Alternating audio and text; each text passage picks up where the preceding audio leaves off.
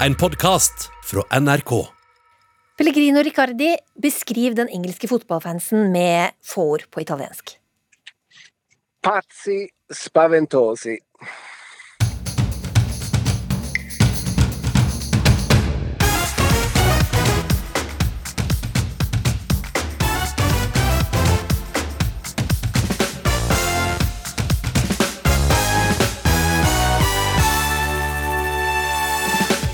Den grønne gleden på Kreta varte bare noen dager før regjeringa kunngjorde at øya blir oransje. Eh, Jeg ble jo litt sjokkert, for det har jo virka som at det har vært veldig lite smitte i det siste her. Det er fristende å la resultatet i valgomaten avgjøre hvilket parti du skal stemme på i valget. Flere er skeptiske, inkludert vår valgomattester, komiker Hasse Hope. Dette er ren humor. Dette har de lagt inn for å få deg til å humre, og det syns jeg ikke noe om. Og han lot være å dømme en straffe under forrige fotball-EM. Tusen ganger har jeg spurt meg selv om hvorfor jeg gjorde feil, forteller toppdommer Svein Oddvar Moen.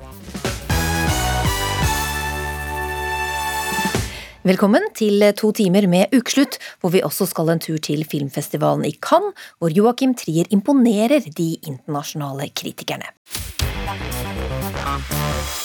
Torsdagens semifinale i fotball-EM mellom Danmark og England tok en brå slutt for danskene i første ekstraomgang, da dette skjedde. Det er to baller på banen. Stirling velger den riktige og går videre igjennom. Oi! Oi, der kan det være straffe! Det er straffe! Men eh, straffavgjørelsen har fått kritikk fordi en ekstra ball var på banen og det kun var lett kontakt mellom dansk og engelsk spiller.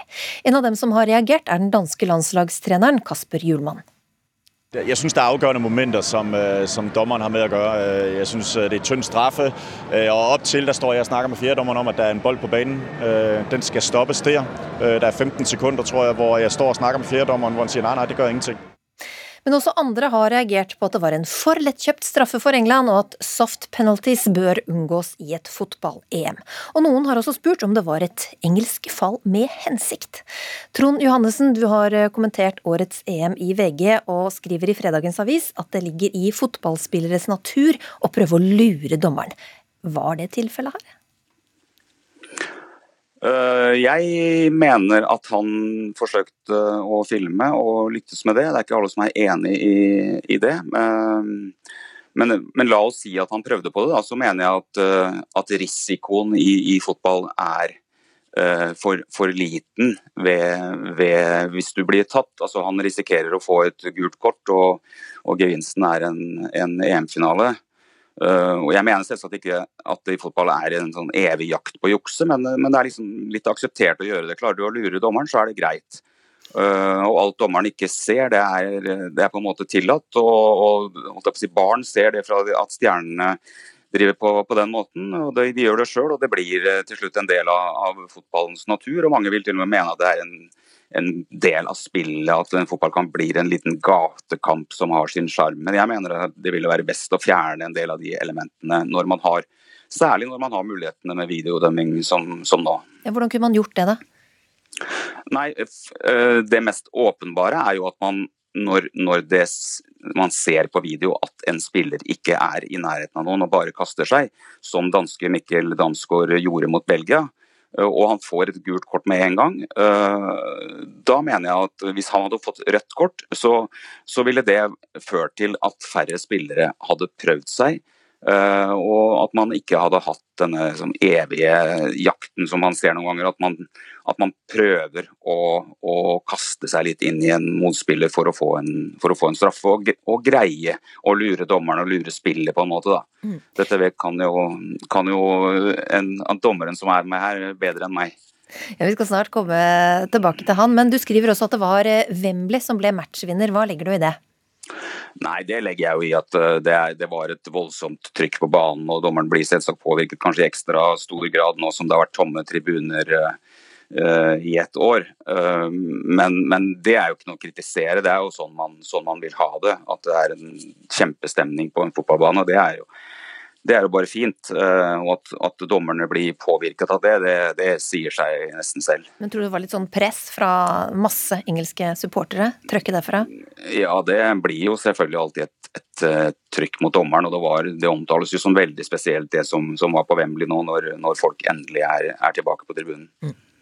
Da til eh, dommeren her. Svein Oddvar eh, Moen, du har jobbet som dommer i en årrekke, også internasjonalt, og i forrige fotball-EM så dømte du to kamper i gruppespillet.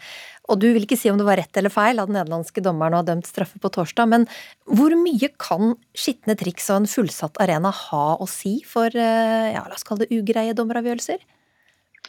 Nei, men jeg synes jo Det er jo en fin vinkling i forhold til det som går på juks, som, som motparten her snakker om. Eh, det er jo heldigvis eh, langt mellom de situasjonene han viser til i forhold til det med filming. For det at filming i dag skjer jo veldig sjelden uten kontakt. Eh, derfor er filming blitt på en måte mye vanskeligere å avdekke for, de, for dommerne. fordi at det, I dag så skjer det med kontakt. altså Det er en angrepsspiller som henger igjen med en fot, som ble sagt. En oppsøkende situasjon som gjør dette veldig vanskelig.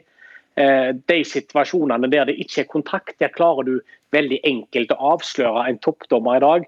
Avsløre det i de aller, aller, aller fleste tilfellene. Og så har du de situasjonene da som eh, det er kontakt. Er det straffespark, ikke straffespark? Noen vil mene det er straffespark, noen vil mene at det ikke er straffespark, noen mener det er filming, noen mener det er en del av spillet. Så dette er, det er ganske komplekst i forhold til dette som går på Eh, filming, og hvis vi da trekker det det å forsøke å lure det er, det, er helt, det er, ikke helt, enkelt å si at det eventuelt skal være et gult kort eller et rødt kort, eller hvordan skal vi bedømme dette framover. Det er ganske vanskelig å bedømme i dag. Eh, og Det hadde ikke blitt enklere om at en skulle begynt å gi direkte røde kort for, for, det å forsøke å filme. Altså, heldigvis er det ikke en veldig stor del av fotballen, men det finnes selvfølgelig. Og så er det det som en blir diskutert her, Hva er risikoen for å velge å forsøke? Jo, Den er ikke veldig høy, det er vi alle enige om. Det er et gult kort i verste fall. Mm. Og så må jo dommeren ta avgjørelsen veldig kjapt. da. Hvor utfordrende er det? Nei, Det er utfordrende selvfølgelig Det var fotballdommer. Og fotball består jo av feil. Eh, og dommerne gjør feil, spillerne gjør feil. Alle gjør feil i en fotballkamp. Eh, og så er det selvfølgelig å unngå å, å gjøre de åpenbare feilene. Og det er jo en verden med og uten var. Eh, det å dømme en fotballkamp uten VAR, da må du ta beslutningen din der og da. Du tar den ut ifra det du opplever, det du ser, din posisjon, eh, måten å falle på. Det er masse elementer du må legge inn i en sånn type forseelse som gjør at du velger det eller det. Eh, med VAR så har du selvfølgelig en sikkerhetsventil som en vil se det på TV. En vil ha masse gode vinkler. I EM så har du x antall kameraer. Men det viser seg jo at VAR, selv med VAR så vil ikke fotball bli feilfri. Fordi at det er veldig mange situasjoner som er Noen vil si ja, noen vil si nei. Altså, da du dømte i forrige fotball-EM, så var det en slovakisk spiller som eh, slapp unna med en albue mot en Wales-spiller inne i, i, feltet. Hvorfor dømte du ikke straffe den gangen? Nei, Det var fordi at vi ikke oppfatta det som en, eh, en forseelse. Vi oppfatta det som en, en, duell og ikke noe mer enn det. Og så ser vi TV-bildene, og det, det oppfatta jeg ut ifra der jeg sto, min posisjon, min vinkel, var at det var en play on-situasjon. Og så ser vi ettertid. Og hadde vi hatt VAR den gang, så ville vi kunne ha tatt en sånn type on-field review. at eh, VAR kunne bedt meg komme ut og se på den, fordi at de hadde ment at det var straffespark. Og så hadde vi fått blåst et straffespark på den, og, og det hadde på en måte ingen skade skjedd. Eh, nå ble det et missende straffespark, og ja, det er jo ikke bra. Hva har du tenkt om det i ettertid, da?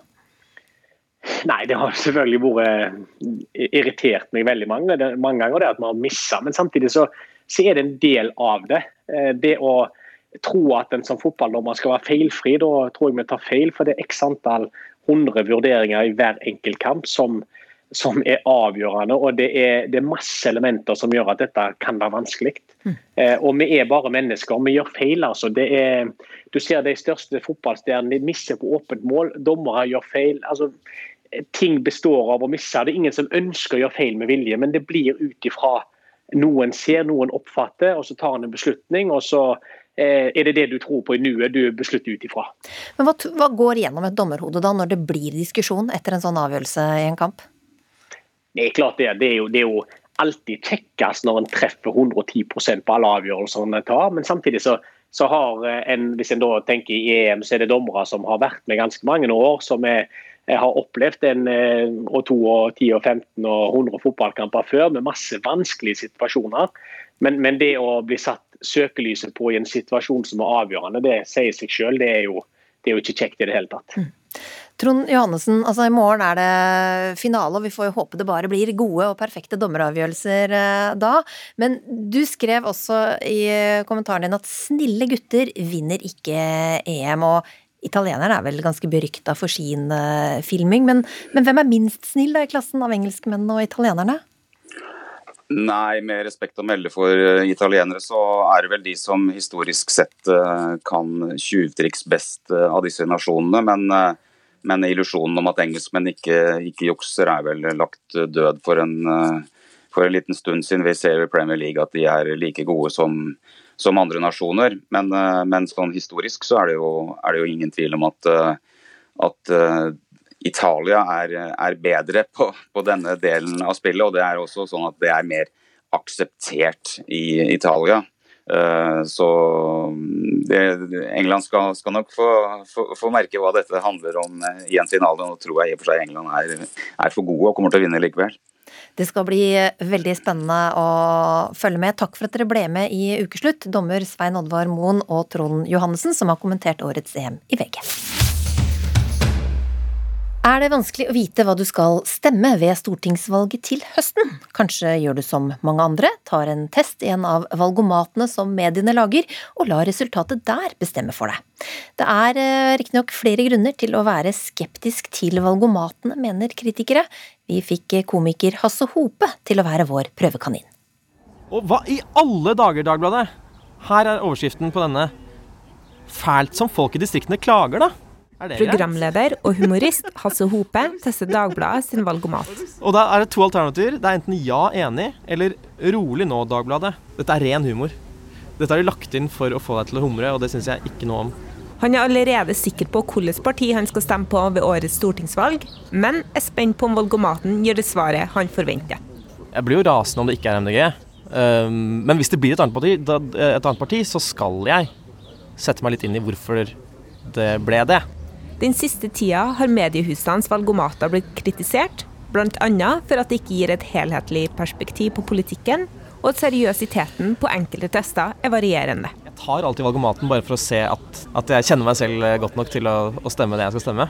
Um, men jeg pleier ikke å gå inn i det og tenke at dette skal forandre mitt syn på hva jeg skal stemme. Men har du tro på at valgomater faktisk eh, funker?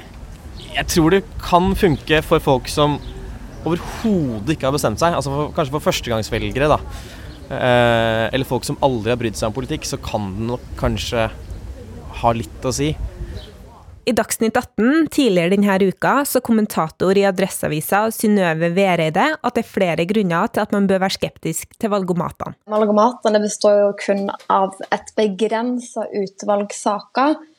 Eh, og det er flere element som i liten grad blir tatt hensyn til i disse valgmatene. F.eks. velgerne sine ideologiske utgangspunkt, parti, partiidentitet, skandaler innad et parti, eh, hvorvidt du stoler på partiet sine representanter fra ditt distrikt. Valgforsker og professor ved Institutt for statsvitenskap ved Universitetet i Oslo, Bernt Årdal, sier at valgomatene brukes i stor grad, og majoriteten er de yngste velgerne.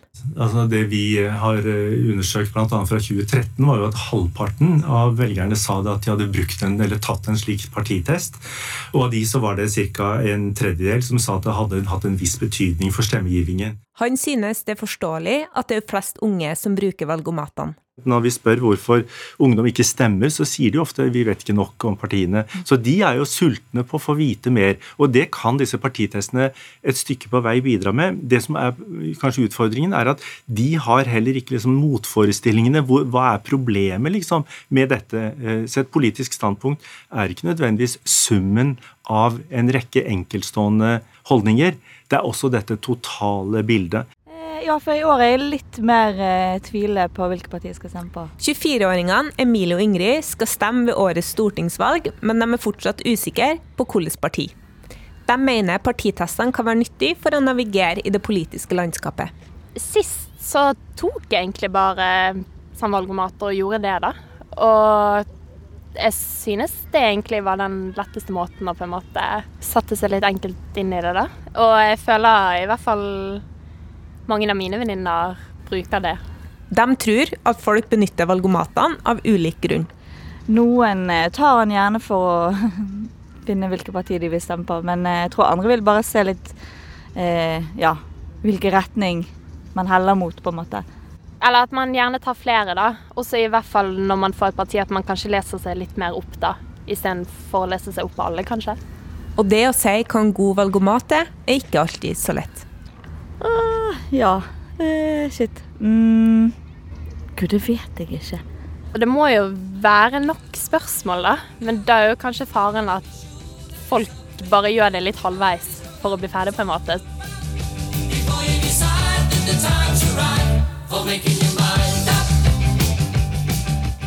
Norge må slutte å lete etter mer olje nå. Så Alternativen er nei. Ja, fremtida er grønn. Vi kan lete i noen år, få år til. Flott. Sånn skal det være. Humorist og programleder Hasse Hope går nøye gjennom spørsmålene i Dagbladets valgomat.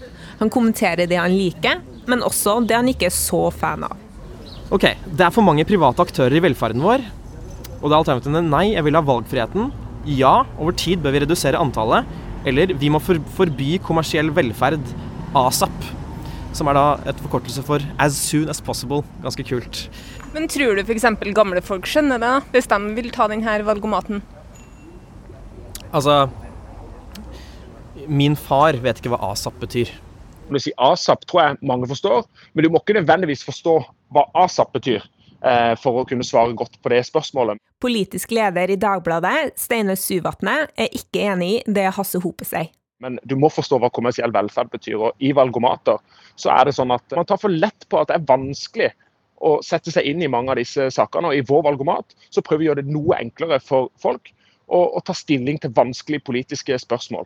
Han sier at de bevisst har brukt det språket for å sprite opp valgomaten, og avviser at Dagbladet har lagt inn spørsmål for humoristisk skyld. Jeg tror at språket vi legger oss på, gir folk en enda bedre pekepinn på hva de bør stemme, enn det svulstige og litt pompøse språket som f.eks. NRK og andre valgomater legger seg på. Delvis, da. Tidvis. Ikke alltid, men av og til. Men blir ikke noe av det oppfatta litt sånn useriøst? Jeg tror ikke det valgomaten vår har en like solid motor som alle de andre valgomatene. Vi har leid inn ekspertise både fra statsvitenskapelig miljø og fra, og fra psykologmiljø for å gjøre dette så godt som overhodet mulig. Nei, den eh, faller jo umiddelbart.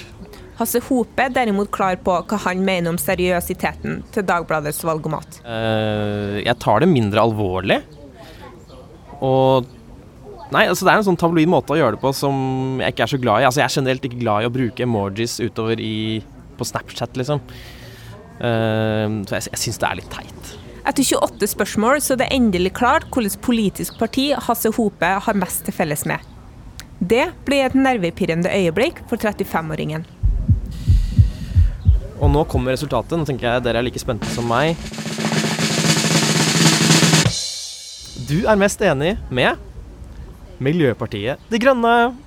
Og jeg svarte helt ærlig her, så det kan jo bety at valgomaten funker. Og programlederen summerer enkelt opp hva han mener om testen. Det grafiske uttrykket er fint, og at jeg tydeligvis da kom fram til det jeg tror er riktig.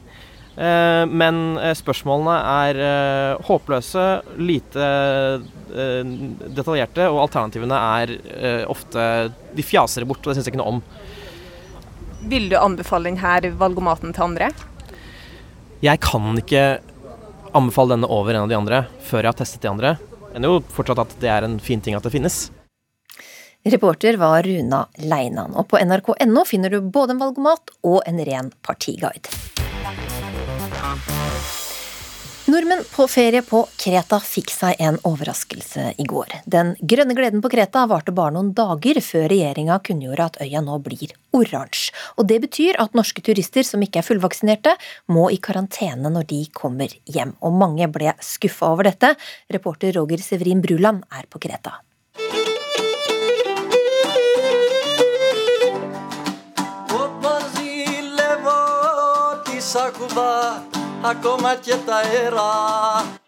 Folkemusikeren Andreas Manolarakis øver med bandet sitt.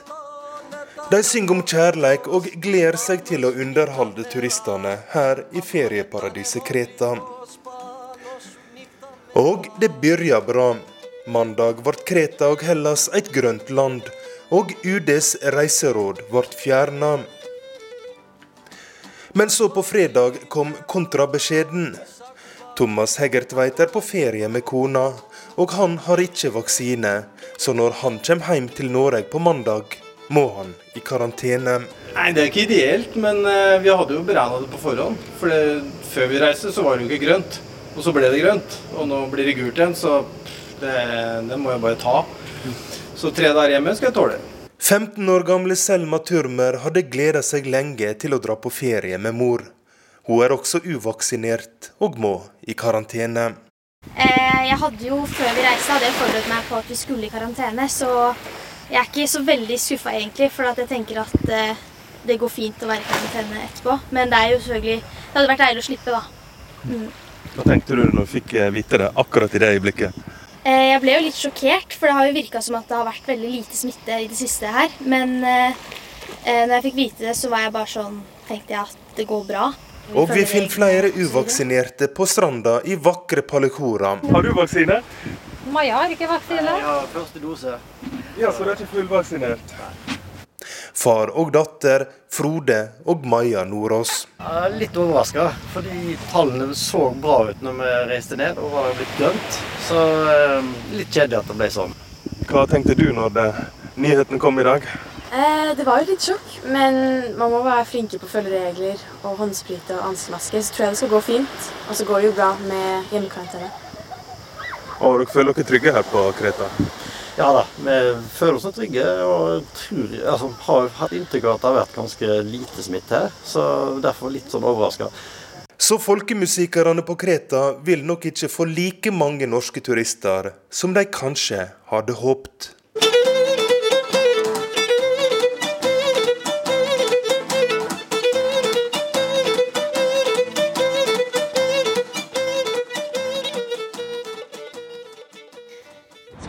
Alt er jo gærent med at Edvin døde, men en ting som hjelper litt, da, er jo at tross alt så er det en eller annen plass som slår forhåpentligvis hjertet hans fortsatt da, i en annen kropp, hvor det gjør nytte for seg. Mange ble berørt av foreldrene til seks år gamle Edvin, som på Dagsrevyen fortalte om avgjørelsen de tok om å donere organene hans da han døde brått. Men flere enn før sier nei til å være organdonor, og ventelistene på nye organer har dobla seg på ti år. Erland Bakke, du er kjent manager, men også nyretransplantert, og du fikk en nyre av en venn, og mener at levende organdonorer bør få skattelette. Men før vi skal snakke om det forslaget, hvordan endra det livet ditt å få en ny nyre? Eh, livet før eh, jeg fikk en ny nyre, eh, besto av å være dialyse uten nyrer. Og det å være i dialyse uten nyrer betyr at du, du, har, du får ikke da vannlating, slik at du går en hel dag uten å kunne gå på do. Så du samler opp væske som da eh, sykehuset må da tømme deg for dagen etter. Det gjør at du har dager hvor du da bruker hele dagen din på et sykehus. Du blir hentet i taxi og blir kjørt hjem i taxi på ettermiddagen og er relativt sliten og medtatt. Kroppen har nesten vært gjennom et, ja, løpt et maraton, og det, driver den med hver dag. Uh, og det er da mens det er dialyse. Og grunnen til at jeg tok ut nyrene, var en arvelig sykdom. slik at, uh, og det medførte så store smerter, slik at uh, jeg syns at en nyrestein, som for mange er det vondeste du kan få, er ganske mildt i forhold til de, de smerter man har når man har det som heter systerruptur. altså Det betyr at det er syster som sprekker i nyrene. Og da måtte man ta ut det. Så livet mitt var relativt å ligge stille i en seng og ikke kunne bevege meg før jeg tok ut nyrene. Og så tok jeg ut nyrene. Så det er jo en 180 grader grader. Det er jo fra å være i et fullstendig handlingslammet tilværelse til å plutselig da kunne eh, våkne opp med en ny nyre og allerede da merke at jøss, kroppen fungerer på en helt ny måte, og du føler deg ti år yngre med en gang du våkner opp. Og det var altså en venn av deg som donerte sin nyre til, eh, til deg. Hva, hva fikk han for innsatsen? Eh, han eh, tror jeg fikk mest eh, god samvittighet, og han fikk kanskje litt mer lattermild venn tilbake, forhåpentligvis. Jeg syns jo det er en utrolig gavmildhet. Det er jo den største gaven jeg kunne fått. Det er jo på en måte å få livet mitt tilbake, som han ga meg. Og, jeg ville selvfølgelig være evig takknemlig, men han fikk fikk eh, litt dårlig behandling på, på sykehuset. Han eh, måtte liksom sette opp alle timene selv. Han fikk ikke god hjelp. Han ble spurt om inngående om hvordan økonomien hans var, om han hadde noe kredittkortgjeld. Eh, han fikk masse negative spørsmål. Eh, han ble spurt ut om sin seksuelle legning, som jeg tror var unødvendig for at han ønsket å kunne gi bort et organ. Mm. Og du mener altså nå at alle levende donorer bør få skattelette. Hvorfor er det løsninga? Jeg tror, flere, jeg tror, det er flere, veier til, eh, til, å få flere donorer, men jeg tror én av dem eh, kan være skattelette. Og med skattelette så ønsker jeg ikke at det skal være økonomisk initiativ. Jeg ønsker ikke at motivet for å gi bort et organ skal være at man føler at man får penger for det. Det har man ikke så god erfaring med i, i andre land som gjør det. For da blir det rett og slett at man kanskje har eh, dårlig økonomi og tenker at ja, ja, jeg trenger jo bare en nyre, så da kan vi gi bort den. Men jeg tror at skattelette, sånn som vi har på BSU-ordning, vi ønsker at ungdom skal gå inn i boligsparing.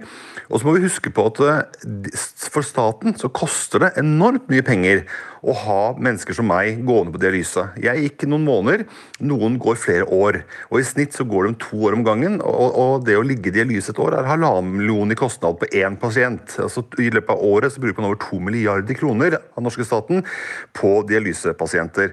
Så jeg tror at det kan være en god måte å kompensere det. Jeg tror ikke at de som donerer i dag, vil føle at det er en økonomisk gevinst ved at de får en, de får en skattelette. Altså Dette er skattbar inntekt som de da får lavere skatt på i en begrenset periode. Og Det tror jeg kan være kanskje en god grunn for at flere sier at det, hvis min nyre passer, så er jeg sikker på i hvert fall at jeg ikke taper på det.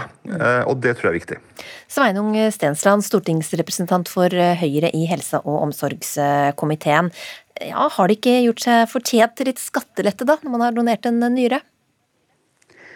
Det har iallfall gjort seg fortjent til, til mye, egentlig. Men, men, det er et viktig prinsipp som må eh, blir beskrevet godt her, at det må ikke være økonomiske insentiver som driver en til å donere en nyre. Det må være andre ting. Det må være en altru, altruistisk ting, det å donere en nyre.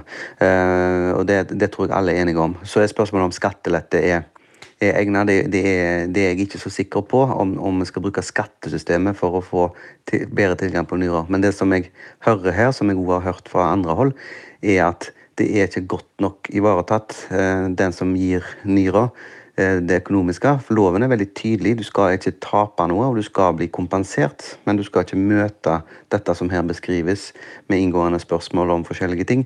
Eh, og hvis en ser på samfunnsøkonomien i det, så hvis vi bare tenkte penger, så burde vi kompensert dette mye bedre, for det er faktisk veldig god samfunnsnytte i å donere en nyre. Men vi kan ikke la penger styre noe så, ja, så sterkt som det å gi en kroppsdel til en annen person. Ja, Bakke, det kan jo forstås som et kjøp av organ, da? Skattelette?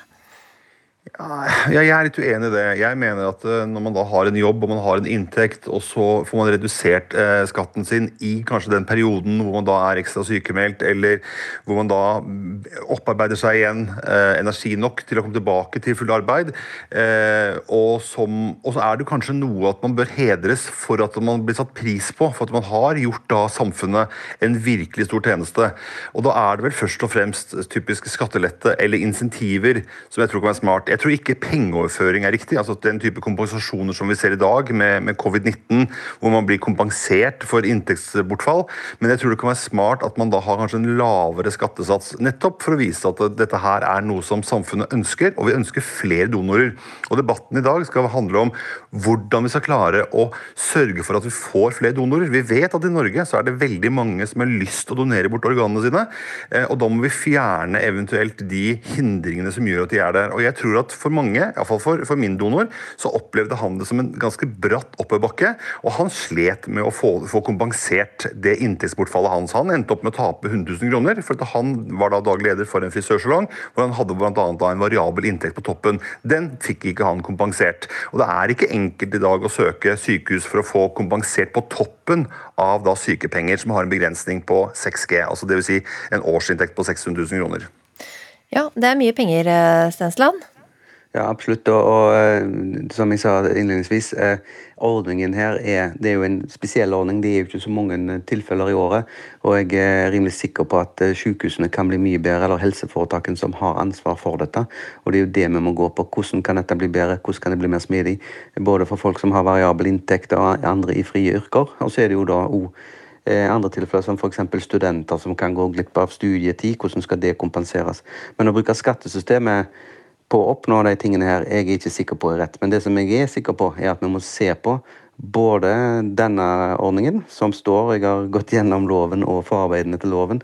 Står ganske sånn uh, overfladisk beskrevet hvordan dette skal være. Jeg må gjerne gå litt mer tydelig til verks fra myndighetshold på hvordan dette skal gjøres, sånn at alle er sikre på at de slipper disse motbakkene. I tillegg så må vi jo forvente at uh, sykehusene tar, ivaretar disse pasientene som ofrer så mye som de gjør for at andre skal få et bedre, bedre, liv. Når det gjelder hele donasjonssaken, så er det veldig viktig at vi har disse debattene her. og I Norge har vi høy tillit til helsetjenesten, høy tillit til myndighetene. Eh, og det er det som skal til for at vi får opp donasjonsraten, som dessverre nå går ned. Eh, men det, det svinger litt fra tid til annen. Og Hvis det er noen nå som hører på som ønsker å registrere seg som organdonor, så kan det altså gjøres på Helse-Norge. Tusen takk, manager og nyretransplantert Erland Bakke og stortingsrepresentant for Høyre Sveinung Stensland. Filmfestivalen i Cannes er godt i gang, og ekstra moro er det at norske Joakim Triers 'Verdens verste menneske' er med i konkurransen om Gullpalmen. Vi har klart å løs, løsrive Trier et par minutter fra det travle programmet i Cannes, og du kommer rett fra pressekonferanse for de skandinaviske filmene, og der ble du faktisk introdusert som The Talk of the Town. Filmanmelderne triller femmere og seksere på terningene, du konkurrerer om Gullpalmen, og The Guardian kalte filmen en instant classic. Regissør Joakim Trier, hvordan har du det nå? Nei, jeg, takk. Jeg, er veldig lettet. Det er så nervepirrende å lage en film, fordi man i, i dette tilfellet så er det en veldig personlig film. Jeg prøver å snakke om mennesker i Oslo og kjærlighet, og man vet liksom ikke helt hvordan det skal ende på det store lerretet de kan. Men jeg er veldig takknemlig for mottakelsen. Det virker som folk forstår hva vi prøver å snakke om i hvert fall. Det er jeg veldig glad for. Hvordan er Cannes i forhold til Oslo? Nei, det er veldig Det er enda varmere. Jeg håper det er litt varmt i Oslo, så folk kan bade og hygge seg. Men uh, det er veldig, veldig hektisk. Det er jo et oppsamlingsheat i år. I fjor var Cannes um, avlyst pga. Av eh, pandemien. Og i år er, jo, er det jo enda flere filmer her enn det pleier. Så det er jo skikkelig hektisk og et veldig høyt nivå på filmene. Så det er jo presse fra hele verden. og men man må teste seg innimellom hele tiden uh, for å komme inn på ting. Så det er sånne lange testkøer, og det er ganske hektisk. Men hvordan er det å få så mye skryt og anerkjennelse, da? Nei, så Nå har vi laget en film som heter 'Verdens verste menneske', som handler om folk som uh, føler seg veldig mislykket. og, og det der litt norske selvhatet som vi prøver å lage komedie rundt. da, og Står man her og får masse klapp på skulderen, så merker man jo at man føler det som en slags sånn liten skam midt oppi det hele. Men egentlig, nei, jeg prøver å være stolt, jeg prøver å ta det inn. Jeg er selvfølgelig kjempetakknemlig. Og gjennom å se spesielt Renate Reinsve, hvor mye oppmerksomhet hun får. Det er nesten lettere å forholde seg til, for det er ikke meg, og da blir jeg veldig glad. Ja, de, altså The Guardian skrev om henne at en stjerne er uh, født. Hva var det som fikk deg til å velge henne til, uh, til hovedrollen? Det er fordi hun er den, den, kanskje beste uoppdagede skuespilleren i Norge jeg vet om. i hvert fall. Hun hadde spilt en liten rolle i Oslo 31.8 for ti år siden. Der hadde hun en, en replikk som var 'Skal vi gå på fest?' Og det var det hun sa. Og så tenkte jeg likevel at hun var jævlig flink. Og så gikk det ti år, og ingen ga henne en hovedrolle. Så bestemte jeg meg til slutt for å skrive en, en film og kaste henne i hovedrollen. Så den er laget for henne, dette manuset. Og så er jo da 24 filmer med i denne hovedkonkurransen. Og hva tenker du selv at eh, din film har, da, som skiller seg ut fra de andre i Cannes? Jeg har jo ikke sett de andre filmene, eh, men det jeg vil si er jo vi lever i en tid som er veldig sånn full av sterke meninger og kontraster, og hvilken side av debatten er du på og sånn. Jeg har jo prøvd å gå litt en annen vei og lage en litt sånn sårbar menneskelig film om nære relasjoner og folk som prøver å finne en vei i livet sitt. da. Eh, og, og gjøre det med humor og varme og sånn. Så, så, jeg er nok ikke liksom størst på den politiske skalaen, hvis det er det de vil ha i år. Men uh, jeg tror til gjengjeld at jeg kan være et, en, en, film for det store lerretet, og det er det kan handle om i år. at liksom Cinema is back, sier uh, festivalsjef Thierry Fremont. Og vi har laget en film med store farger og nesten sånn sekvenser som vi er inspirert av musicals og romantikk og sånne ting. Så jeg, jeg, det er det vi har å by på, så får vi se hvordan det faller i smak. Og her i Norge så kommer den på det store lerretet i oktober. Lykke til, Joakim eh, Trier. Og vi skal holde oss i Cannes fortsatt, vi. Fordi her i Ukeslutt så Vi lengter jo etter litt uh, glamour, men vi får jo ikke tatt turen. Men det, det har du, Simen Ekern, vår europakorrespondent. Hvordan er det, har du sett noen kjendiser fra filmverdenen der? Ja, jeg har sett uh, mange, av de nye norske kjendisene. da. Uh, den, den, nye stjernen som er, som er, født. Det har jo vært mye uh, oppmerksomhet for min del og, og, for mange andre om, om de norske bidragene. Og ellers så, så har jeg sett et glimt av Matt Damon på den røde løperen, og i kveld blir det kanskje Eh, og kikke så vidt på, på, om man ser Jean Penn og Marion Cotillard eh, så vidt, men, men, jeg skal vel ikke late som at jeg eh, sitter og drikker champagne med disse. Det er, som, som Joakim Trier var inne på, ganske hektisk. Mange køer, covid-tester. Et ganske voldsomt opplegg for å, for å få det, denne festivalen i stand. Da, for å gjøre det mulig å arrangere en filmfestival mens det fortsatt er pandemi. Mm. Vi, vi, skal høre et lite kutt vi, fra, fra Triers eh, film. Altså, kan jeg få to bukkeler? Ja, hvor mange klesskap skal du ha? Mm, hvor mye kan jeg få? Nei, det, nei, det er ikke sånn det funker.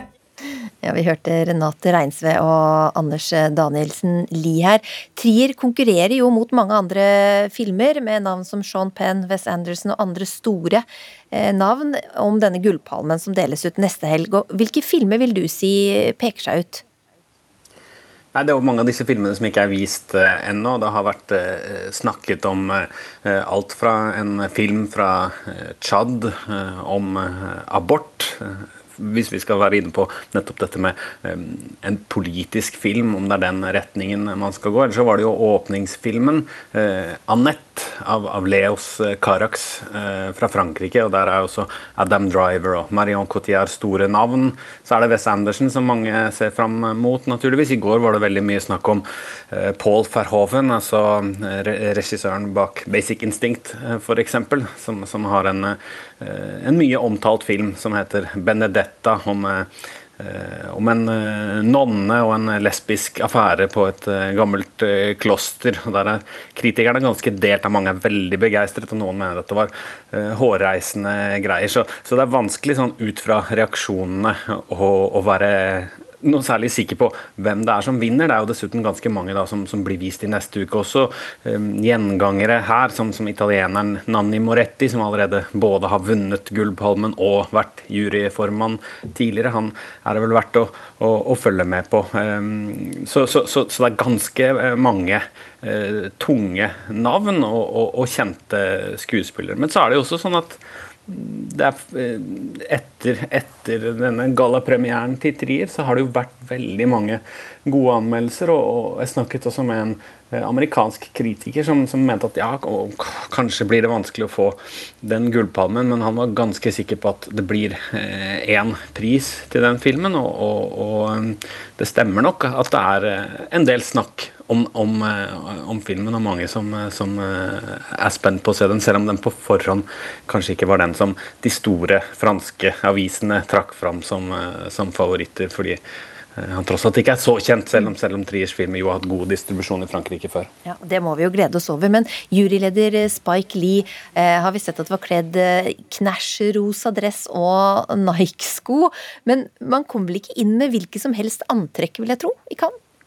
Veldig strengt. Veldig strengt også for oss eh, journalister og, og fotografer. Eh, med, med, smoking og, og sløyfe og, og, svart munnbind, som det ble eh, påpekt. Veldig, veldig strengt flere ganger, så, så alt skal være eh, stilig. Og, og, for stjernenes del, også de norske, så, så, er det jo sånn i Cannes at at man møter opp eller blir plukket opp av, av de store motehusene og, får prøve om det er Prada eller Dior man skal, man skal gå med i år. Både de mannlige og kvinnelige skuespillerne i Triers film eh, fortalte jo at de hadde vært med på det, og, og de er vel ikke mer blasert enn at, at den biten av glamouren også er litt morsom, iallfall. Har du pakket smokingen, da?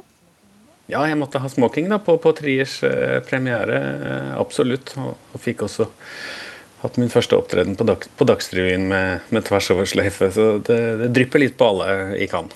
Det er godt å høre. Tusen takk skal du ha, Simen Ekern, europakorrespondent her i eh, NRK.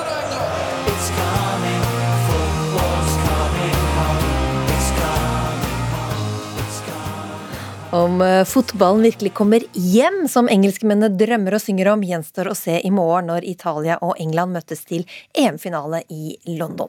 Det er ikke bare ute på gressbanen det handler om å vise krefter, også på tribunene er konkurransen stor om å rope høyest og heie mest. Men etter at noen fra tribunen rettet en laserpenn mot ansiktet til den danske keeperen Kasper Schmeichel da Harry Kane skulle ta straffespark, har Uefa åpnet disiplinær sak. Pellegrino Riccardi, du er eh, foredragsholder, men eh, i dag kommer du i kraft av at du er italiensk, men født og oppvokst i England, og fotballfan.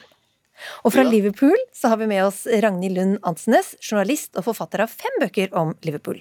Og Pellegrino Riccardo, i morgen møtes altså Italia og England til EM-finale. Hvordan har du det egentlig nå? Jeg har det ganske ille, faktisk. For det, det er jo mitt verste mareritt. Eh, det har endelig skjedd. Det som jeg fryktet mest i livet, kanskje, det er at England og Italia skulle møtes i en viktig finale. Og nå skjer det. Fordi det er nemlig at jeg, er, jeg heier på Italia, bare det jeg har sagt, i morgen.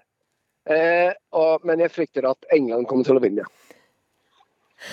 Og så nevnte vi innledningsvis at eh, engelske fotballtilskuere har gjort seg bemerka, særlig etter denne laserhendelsen. Og hvordan vil du beskrive engelske fotballfans? Nei, altså, vil, Det første ordet jeg ville ha brukt med engelske fans når det gjelder landslaget, det er at de er desperate. da. De er desperate på å vinne noe. Nå er det på tide. 55 år har de ventet. De, de, må bare vinne. Hvis de ikke vinner, så blir det jeg vet ikke, det blir landesorg. Eh, men det gjør dem til å være ja, jeg må nesten bruke det ordet. De, de kan være litt, eh, litt ufyselige da, som supportere. Ikke, ikke laget, da. Laget er veldig bra. Jeg, jeg tror de kommer til å vinne, faktisk. Men men selve fansene de, de, kan være litt vanskelig å like, for å si det sånn. Litt usympatiske kan de være. Men ja, på, de er desperate. Ja, På mm. hvilken måte da? Altså, Hvordan skal jeg beskrive dette her? Når jeg ser på italienske fans som ser på fotball, så blir jeg glad. Men når jeg ser på engelske fans, når de ser på en fotballkamp, en landskamp, så blir jeg faktisk ganske redd. Det, det, blir liksom ikke det samme fest.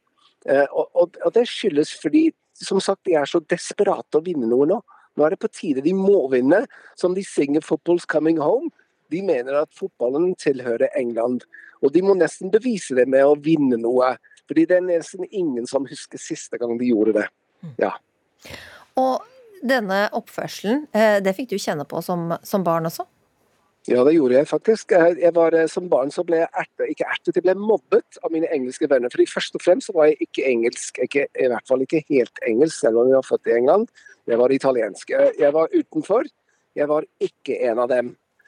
Eh, og, og, og, Hver gang Italia og England spilte sammen, så ble jeg så mobbet av de at det ble en slags Altså For meg var det viktig, det var så viktig at Italia vant. Og, og jeg vokste opp, det er nesten pinlig å si det nå, men jeg ble glad da England tapte kamp, rett og slett. Jeg gjorde det. Mm. Men det er fordi jeg, var veldig ut, jeg sto veldig utenfor, ble mobbet av mine engelske venner, og de gjør det nå. Det, det, det bare smeller inn med meldinger nå fra mine engelske venner. Vi kommer til å vinne. Vi, det, det er vår tur. England's coming, uh, football's coming home. Alt. Jeg har hørt alt nå. Så det blir litt sånn kvalm av det, rett og slett. Ragnhild Lund Alsnes, du kjenner jo den engelske fotballkulturen godt. Er engelske fotballfans så kjipe som Rikardi skal ha dette her? Ja, De har i hvert fall et litt frynsete rykte, det har han helt rett i. Men jeg tror jo at den engelske fansen har endra seg litt siden eh, hans oppvekst.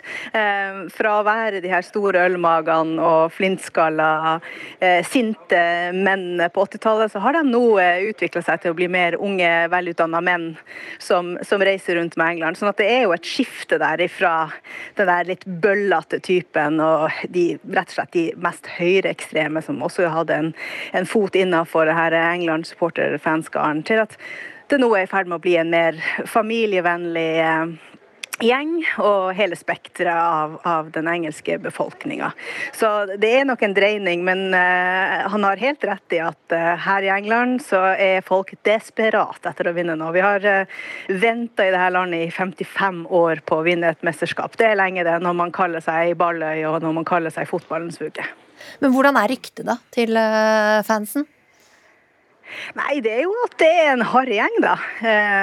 og som er er litt sånn eh, i, i, overkant nasjonalistisk. Men nå snakker jeg da stereotypien. Og, og nå er det jo sånn, jeg har jo forska på supportkultur i tolv år med bøkene mine, og det er jo en veldig sånn stereotypi-tanke eh, om, om fotballfans generelt. Og eh, det har jo endra seg veldig i forhold til for 30-40 år siden. Um, sånn at uh, i dag så vil du jo finne at fotballfans er virkelig hele spekteret. Men det man også ser her i England, sånn som i Liverpool, hvor jeg bor, så er det jo ikke spesielt mange England-flagg ute. Sånn som det er f.eks. i Midwest og blant Millwall-fansen. Og det er en del sånne segmenter i England som er mye mer knytta til eh, England som, som eh, landslag. Og særlig de som er fans av lavere divisjoner. Vi som er eh, Premier League-fans på vår hals, vi er ikke like tiltrukket av det engelske landslaget. Pellegrino Riccardo, vi har jo en ganske stereotypisk oppfatning av eh, at italienere er veldig lidenskapelige og følsomme. Er italienske tilskuere noe bedre da enn de engelske? Nei, det, det, er ikke det egentlig. Altså, Ragnhild har et veldig godt poeng. at uh, Den oppveksten det var på 70-tallet, da engelske fans var på sitt verste. Samtidig som vi hører i dag at de buer uh, nasjonalsangen til uh, motsatte laget. Det er, det er, ikke godt gjort, altså. men men Italia nei, de er ikke noe mye bedre. Men det er noe med den følelsen, en sånn partyfeeling som man får av å se italienske fans. Jeg vet ikke hva det er. Kanskje de er litt mer fargerike. De, de, de, de, har litt mer style, litt mer stil. Eh, jeg kan si at I England så flagges det ganske lite nå, som Ragnhild sier, men i Italia så flagges det mye. Italienske flagg overalt. Eh, men det er ganske rart, fordi det er eneste gangen italienere er forent det er når landslaget spiller. Ellers er det ganske eh, skiller i Italia, ikke sant. Så det, det, dette her samler nasjonen i Italia veldig. Noe som sjelden skjer. Og i morgen så avgjøres det. Hvordan kommer italienerne til å feire hvis de skulle vinne? Nei, de kommer til å gjøre det. De kommer til å feire, men de kommer ikke til å synge 'Football's Coming Home', som jeg syns jeg er ganske lei av å høre nå. Eh, og de kommer til å feire i det Ikke det stille, de er ganske bråkete òg. Men som, som, jeg sa innledningsvis, engelskmenn jeg vet ikke hva det er, men de er, de er ganske dårlige vinnere. Så like vinnere som tapere. Um, men italienere kommer vel til å strømme ut i gatene når, hvis de det blir en seier? Gatene, de kommer til å kjøre bilene sine, de kommer til å tute klakksang, ikke sant? og de kommer til å feste. Men de, jeg tror ikke de kommer til å forlate byen Eh, de kommer ikke til å, for å si det på pent norsk, eh, drite seg eller drikke seg dritings så like mye som engelskmenn gjør. Det gjør, det gjør de ikke. Ragnhild Lund Ansnes, hva med engelskmennene? Hvordan vil de feire i så fall? Ja, jeg vil jo bare korrigere at det er veldig masse flagg. Tepp bomber rundt i England. Liverpool er litt spesiell i og med at de føler seg litt mer europeiske enn de føler seg knytta til London. Så det er en litt sånn særstilling akkurat her i Liverpool. Eh, engelskmenn kommer til å gå på puben. De kommer til å sitte seks og seks, som nå er regelen. At man kan samle seks og seks rundt på store utendørsserveringer. Og de kommer til å synge 'Football's Coming Home' på repeat i hvert fall i to måneder, mens de eh, hever glasset. Og, de, og når det er sagt, altså både Italia og England er jo i særstilling særstilling der med å være de to av de hardest ramma i denne forferdelige pandemien. Så begge landene fortjener et løft. Men jeg som har bodd tett på her i England det siste halvannet året, jeg vet i hvert fall at det er mange her som trenger et løft etter en så tøff tid. Så derfor så mener jeg og håper at fotball faktisk kommer hjem. Det satser jeg på eh, på søndag. Og så får vi håpe at eh, begge sider av tilskuerskarene klarer å oppføre seg i morgen. Finalen starter klokka 21. Takk for at dere var med i Ukeslutt, Pellegrino Riccardi og Ragnhild Lund. Du får et brev fra Nav, og skjønner kanskje knapt hva de prøver å fortelle deg. Restarbeidsevne, maksdato og livsopphold, hva, hva mener de egentlig? Reporter Runa Leinan spurte folk på gata som ikke helt forsto hva ordene betyr. Vet du hva restarbeidsevne betyr? Nei, det vet jeg egentlig ikke. OK, restarbeidsevne. Eh, det, ja, I hvert fall hvis jeg bare skal tenke, da. Så jeg har jo aldri hørt det før. Men det er vel noe sånn at eh, det er vel noe restarbeid som man trenger hjelp til. Jeg vet ikke. Aldri hørt det før. Heller ikke hørt det før, men man kan vel anta at det har noe med selvfølgelig arbeidsevnen man har, da. Eventuelt grad av arbeidsevne, kanskje. En eh, livsopphold. Uh, livsopphold? Jeg, jeg, jeg tenker jo da i så fall på livstidsopphold i type fengsel. Ja, Kanskje vi kan eh, oppklare litt her etter hvert, men enda godt kanskje da, at arbeids- og sosialminister Torbjørn Røe Isaksen denne uka sa at eh, Nav skal begynne å kommunisere enklere og klarere med brukerne. Og Sissel Berning Numedal, du er avdelingsleder i Nav og har gjennom en årrekke hatt tett kontakt med brukere. Kjenner du igjen disse reaksjonene? Ja, disse ordene misforstås eh, lett. Eh, den siste på livsopphold eh, hadde jeg ikke hørt før, men, men den var jo litt skremmende. At det er det som, som kan tolkes ut av livsopphold. Du har også et eksempel på en vanskelig forståelig tekst knyttet til et avslag fra Nav. La oss, la oss høre. Ja. Er du klar? Du ja. må kanskje holde deg litt fast? Spisser ørene. Du har inntekter i en størrelsesorden som normalt anses tilstrekkelig til å sikre et forsvarlig livsopphold. Du følger derfor ikke vilkårene for hjelp etter lov om sosiale tjenester i arbeids- og velferdsforvaltningen paragraf 18. Dine boutgifter er svært høye, og det er dette som er årsaken til de økonomiske vanskene. Nav ser ikke at du vil bli selvhjulpen i overskuelig framtid med de nåværende utgiftene. Hjelp etter lovens paragraf 19 vil derfor ikke hjelpe deg til å overvinne eller tilpasse deg en vanskelig livssituasjon. Du anbefales å skaffe en rimeligere bolig. Oi. Der hadde ja. i hvert fall jeg uh, ramla av. Der uh, detter nok de uh, fleste av før du er kommet halvveis. Ja. Uh, Hvordan kan teksten sies enklere, da? Du kan f.eks. si du har i utgangspunktet nok inntekt til å klare deg sjøl, men husleien er for høy i forhold til inntekten din. Vi anbefaler at du leter etter rimeligere bolig. Oh. Du, nå, det, det skjønte jeg. Den forsto du. Den forsto jeg. Ja. Kjell Terje Ringdal, du er eh, førstelektor ved Høgskolen Kristiania i Oslo og underviser i retorikk og effektiv eh, formidling. Altså, Hvis vi smaker litt på det ordet, da. Eh, restarbeidsevne, hva, hva smaker ordet av? Ja, det, det, smaker av en, en betraktning av mennesket som en slags maskin.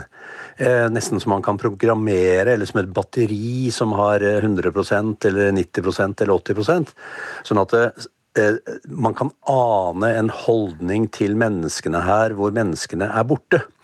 Eh, og hvor det man da skal finne ut av, er hvor mye dette mennesket, eller denne maskinen, er i stand til å levere i åra framover. Mm. Så Sånn sett så er det ordet på en måte litt sånn mekanistisk og, og, og, kaldt, og er kanskje et uttrykk for en kultur og en tenkemåte som, eh, som man da nå tydeligvis skal jobbe med. Mm. Og livsopphold, hva kan du si om det? Jeg synes det var, det var veldig interessant å høre han som da trodde at dette var livsvarig fengsel. Eh, altså Livsopphold er jo eh, altså Jeg skjønner at man kanskje sliter litt med å hvert fall finne ett ord da, som skal beskrive det det handler om, nemlig vi skal sørge for at du får nok penger, slik at ikke du sulter i hjel, eller at du, eh, at du har et sted å bo. Eh, for det er jo det som menes. Eh, du skal få eh, støtte og hjelp fra et system som skal ta vare på deg innenfor visse regler og rammer. Og sånn sett så kunne man, uten at jeg har svaret på hva alternativet til livsopphold skulle være, så kan man i hvert fall begynne å jobbe litt med den språklige kulturen for å skape det fellesskapet, da som trengs mellom Nav og, og, deres brukere. For det er jo det kommunikasjon betyr. Det er jo å gjøre felles. Og Det betyr at avsender og mottaker må møtes i et slags felles språklig rom, hvor man forstår hverandre. Mm. Sissel Berning Nummedal. Numedal. Eh, ja, hvorfor har Nav brukt sånne ord i mange år? Nei, altså Her er vi jo dessverre i godt selskap. Vi er jo ikke alene om å bruke så tungt byråkratisk språk. Det har vært lang tradisjon i landet med denne måten å skrive på. I de fleste offentlige virksomheter, noen private òg. Eh, og når det er tradisjon i virksomheten, så er det det som føres videre. Altså vi, vi lærer opp nye i dette. Eh, det er sånn vi skriver, det er sånn vi har gjort det. Noen ganger snakker vi til og med på den måten eh, til folk som henvender seg til oss. Altså nokså uforståelig, da, for folk flest. Men, men, det blir på en måte en slags kompetanse, det å beherske dette byråkratiske språket. En slags sånn ferdighet som du læres opp til å mestre. Hva kan, hva kan brukerne forvente nå framover, da? Dere, dere skal jo forenkle nå? Ja, det skal vi, og vi er godt i gang allerede. Vi har kommet eh, en eh, lang vei, og vi har bytta ut eh, en del av disse ordene. Vi skriver enklere, vi har lyst å bli forstått. Og vi vil jo at folk skal forstå det vi skriver. Sånn sett så har vi jo samme mål som vi jobber mot her. Og jeg tenker jo at når vi bytter ut ord som vilkår, f.eks., erstatter det med 'dette må du gjøre' eller 'dine plikter', eller vi tar vekk det omsøkte formålet og erstatter det med 'det du har søkt om', så lager vi en litt bedre plattform til å kommunisere og få et godt samarbeid framover. Mm. Mm. Ringdal, du sier det, det, kan ikke bli eh, enkelt eh, nok, men det, det kan jo også bli upresist? Eller litt sånn banalt, kanskje? Ja, og det er jo der eh, krigen som regel oppstår i systemer. Eh, hvis systemene ser seg litt over skulderen og er livredd for å si noe galt eller skrive noe galt og få kjeft av sjefen eller av politikerne, så kan det fort bli proppfullt av eh, bisetninger og henvisninger til paragrafer, nettopp fordi man ønsker å tekkes sjefene. Istedenfor å gjøre det forståelig, fordi det kanskje ikke gir samme, de samme poengene, da.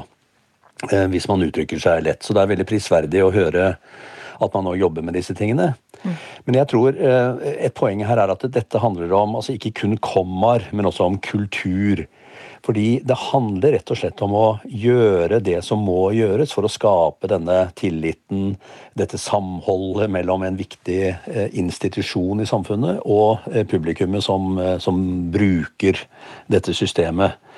Og da er vi inne i altså, to begreper. altså Den er liksom systemverdenen, som veldig ofte blir, eh, blir liksom vist til av de som forvalter pengene. De tenker på jussen og politikerne og reglene. Og så møter de det vi kan kalle for livsverdenen. Folk som er redde, folk som har fått kreft, folk som har gått konkurs. Og når de to verdenene tørner sammen, så er det da dette uendelige misforståelsene kan oppstå. Et redd menneske får ikke det svaret, eller får et svar som ikke er til å forstå. Da, det er da man har dette problemet, som Nav da nå er i gang med å skulle løse opp i. Det høres jo ut eh, Sissel Berning Numedal, som om eh, dere er på god vei til å finne litt bedre språklig kommunikasjon med, med brukerne. Takk for at dere ble med i Ukeslutt, både Sissel Berning Numedal og Kjell Terje Ringdal, førstelektor ved Høgskolen Kristiania. Ukeslutt takker for følget denne lørdagen, og vi sier hurra for produsent Kristine Grønstad Alstad, som har bursdag i dag. Teknisk ansvarlig i dag, det var Eli Kyrkjebø, og i studio Linn Beate Gabrielsen. Du har hørt en podkast fra NRK. Hør flere podkaster og din favorittkanal i appen NRK Radio.